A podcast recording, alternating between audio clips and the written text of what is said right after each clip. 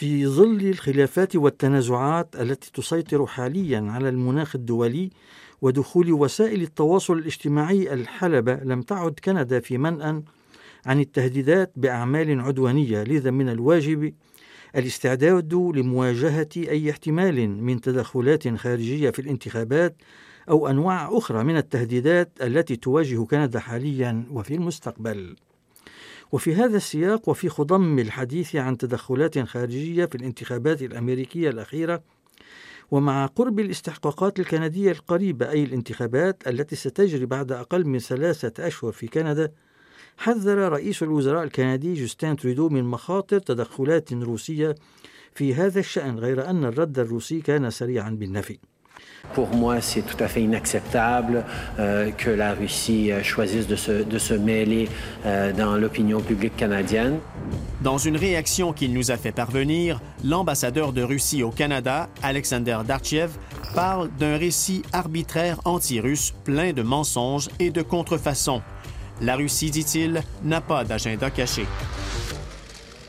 جهاز الاستخبارات الكندي يحمل على عاتقه مهمة كشف أي تهديدات تواجه كندا على مختلف الأصعدة. وعن سؤال عن أهم التهديدات التي تواجه كندا في ظل تقدم التكنولوجيا ووسائل التواصل الاجتماعي أجابت ميشيل تيسيه المديرة المساعدة للعمليات في جهاز الاستخبارات الكندي وهي تحتل المركز الثاني في هرمية الجهاز منذ عامين.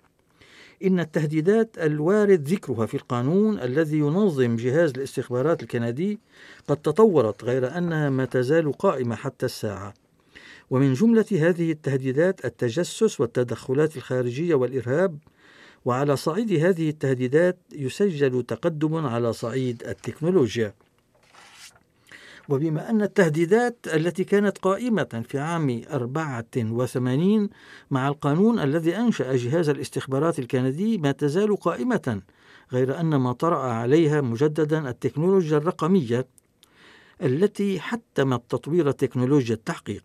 ففي مجال الإرهاب على سبيل المثال لم يعد يتوجب الانتماء فعليا لمجموعة منظمة والخضوع لإعداد كما كان يجري في الماضي. حاليا يستطيع شخص ما العثور على التعليمات على شبكة الإنترنت لصنع متفجرات كما باستطاعته استخدام سيارات لتنفيذ العملية. إن الاستخدام والتطور السريع للتكنولوجيا الرقمية والتشفير تشكلان دائما تحديا مستمرا. ويتوجب أن نبقى متيقنين بأن نكون سباقين في مجال مواجهة التهديدات وهذا يطلب بالتأكيد تطورا من قبلنا ليكون في متناولنا الوسائل التي نحن بأمس الحاجة إليها غير أن الموازنة التي يتطلبها هذا التطور ليست كما ننتظر مع الإشارة إلى أننا لا ندخل بالتفاصيل لدواع أمنية.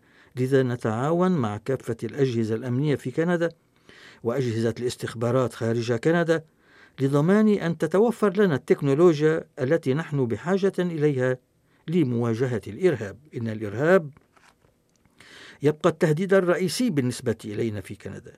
وأمثلة على ذلك على العمل الإرهابي الذي استهدف مسجد كيبيك الكبير. أو الهجوم بالسيارة في تورونتو حيث استخدم أشخاص يؤمنون بإيديولوجيا متشددة وسائل تستخدمها عادة مجموعات إرهابية. إن واقع أن يتصرف شخص ما وبطريقة عفوية بدوافع تتعلق بمحض معتقداته الشخصية المتطرفة تشكل بالنسبة لنا تحديا كبيرا لأنه من الصعوبة بمكان كشف شخص قرر بين يوم وآخر وبسرعة قصوى وبدون وسائل بالغة في الدقة أن ينفذ فعلته. أما فيما يتعلق بالتدخلات الخارجية في الانتخابات فقد أوجدنا مجموعة عمل حول التهديدات في مجال الأمن والاستخبارات المتعلقة بالانتخابات.